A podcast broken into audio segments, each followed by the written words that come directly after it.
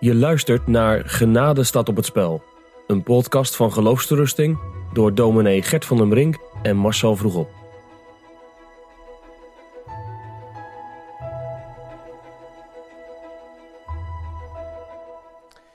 Gert, ik heb een, vraag. Ik, maak er zo een stelling van. Maar ehm, als je nou uh, trouw kerkelijk meelevend bent. Hè? Je, je gaat iedere Mhm. zondag twee keer in de week naar de kerk. Op, op woensdagavond is er soms ook nog een, eh, een kerkdienst. Daar ben je ook. Op de bijbelavonden ben je. Als je thuis bent, dan, dan probeer je in het gezin eh, goed en, en, en, en netjes christelijk te leven. Ehm, eh, je, je doet trouw ook je, je gebeden per dag. Je hebt een stukje stille tijd dat je een bijbelgedeelte leest of een goed boek leest. Ehm, als je dat nou allemaal doet, heb je dan meer kans om wederom geboren te worden? Of als ik dat als een stelling zeg, hoe serieuzer je leeft, hoe meer kans je hebt om wedergeboren te worden. Hm. Wat, wat zou je daarop zeggen? Eh, ja, dat is de Arminiaanse stelling. Dat Oh. is echt de Arminiaanse stelling. We hebben net o- over een aantal stellingen gehad waarvan ik voortdurend heb gezegd: ja, hoor eens, hè, dat hoeft helemaal niet Arminiaans te zijn, of is het juist Hm. helemaal niet.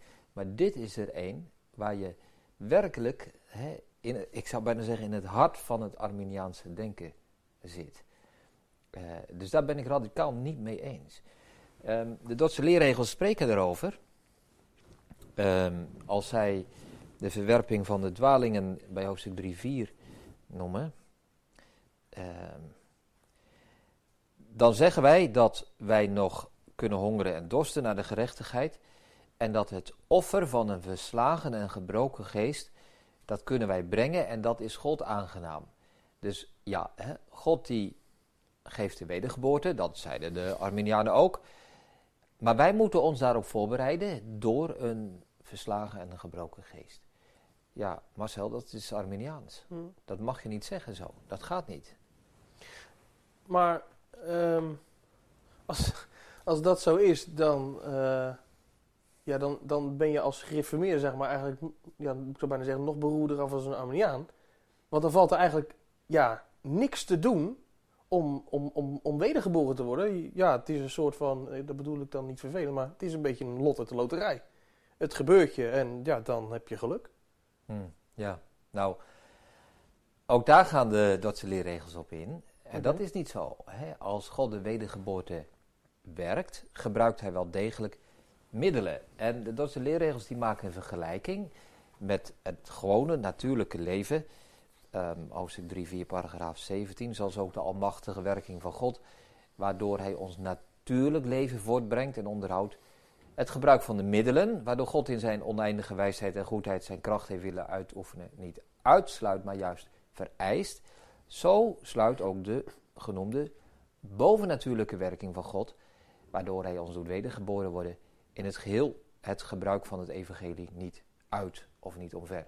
Met andere woorden, kort gezegd, God gebruikt in het natuurlijke leven middelen, levensmiddelen, geneesmiddelen en in het geestelijke gebruikt hij genademiddelen.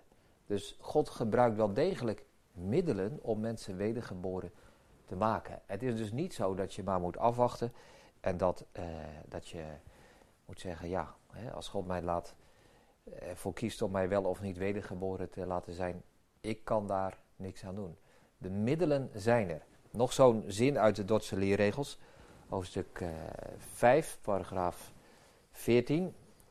Eh, daar staat dat eh, het heeft God beliefd zijn werk van de genade, dus de wedergeboorte, in ons te weeg te brengen door de prediking van het evangelie. Dus God gebruikt het middel van het evangelie om de wedergeboorte teweeg te brengen. Dus het is zeker niet afwachten en maar zien of je dat geluk treft, zeg maar. Nee, oké. Maar dan zit je eigenlijk weer terug bij waar we begonnen. Van ja, dan moet je dus toch maar wel eh Bijbel lezen en eh, veel naar de kerk gaan. En, Nee, dat is, dat is te algemeen. Dat is te algemeen. Het maar niet- je, je zegt net van die middelen, God gebruikt middelen. ja, Dus Maar het middel dat God gebruikt is het evangelie, is de boodschap. Dus niet mijn kerkgang, maar het evangelie is het middel. En eh, als jou dus wordt uitgelegd in het evangelie wie Jezus Christus is, wat hij heeft gedaan, wat zijn offer is, hoe ons dat wordt aangeboden, dat maakt jou wedergeboren. Denk aan het voorbeeld dat we net hebben gezien van uh, Genesis 45. Jacob, hoe kwam het dat zijn geest weer levend in hem werd? Dat was niet zomaar toevallig willekeurig, maar dat kwam heel, heel duidelijk door die boodschap die zijn zoons aan hem hadden, die goede boodschap. Ja, dus God gebruikt het middel van het evangelie, en dat wil dus zeggen de boodschap over Jezus Christus, die aan mij als hoorder wordt aangeboden en voorgesteld. Met bevel van geloof en bekering. En dat middel gebruikt God. Ja, dus dan moeten wij ook niet twijfelen. Eh, de Duitse leerregels zeggen ergens in hoofdstuk 1. Wij moeten uh, vlijtig voortgaan in dat gebruik van die middelen. Dus als je daarmee zou worstelen, als je denkt, hoe kan ik wedergeboren worden? Wat kan ik daaraan doen? Hè, bid erom dat je het evangelie mag verstaan en begrijpen. Dat je helder hebt, dat je, dat je weet, dat je overtuigd bent dat het waar is wat God aan ons in zijn zoon heeft geopenbaard. En dat middel, dat brengt de wedergeboorte. Ja, dan is het inderdaad toch anders dan ehm, alleen maar gewoon de uiterlijke vrome dingen doen. Dan zit het in de kern namelijk om het evangelie zelf. Precies. Dat is wat wedergeboren Ja, dat is waar. uh, dus wij moeten die dingen ook samenhouden. Het middel dat God gebruikt is, is de boodschap van het evangelie. Laat ik een voorbeeld noemen uit uh, um, Romeinen 13. Dan zegt Paulus, wij zijn degene die zijn wakker geworden, die ontwaakt zijn, die opstaan. En de dag van de zaligheid is ons nu nader dan toen wij eerst geloofd hebben.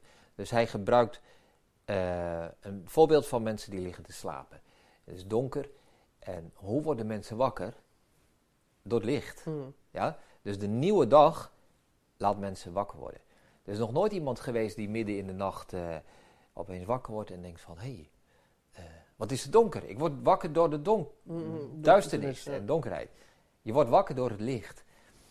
Er is geen mens die wakker wordt, die geestelijk leven wordt, levend wordt, door te denken, wat ben ik dood? Hm. Dat kan niet. Je wordt wakker, je komt tot leven door het licht.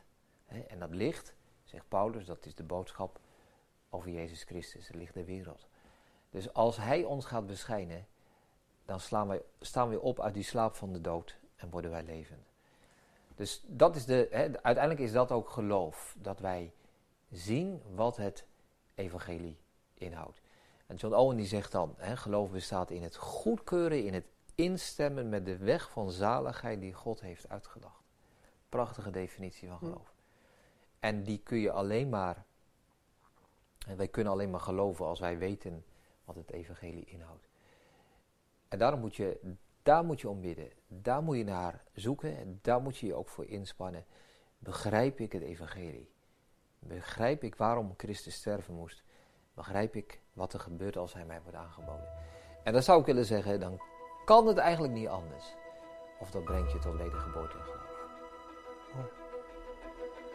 Je luisterde naar een podcast van Geloofsterusting. Wil je meer luisteren, lezen of bekijken? Steun dan onze missie en ga naar de website geloofsterusting.nl.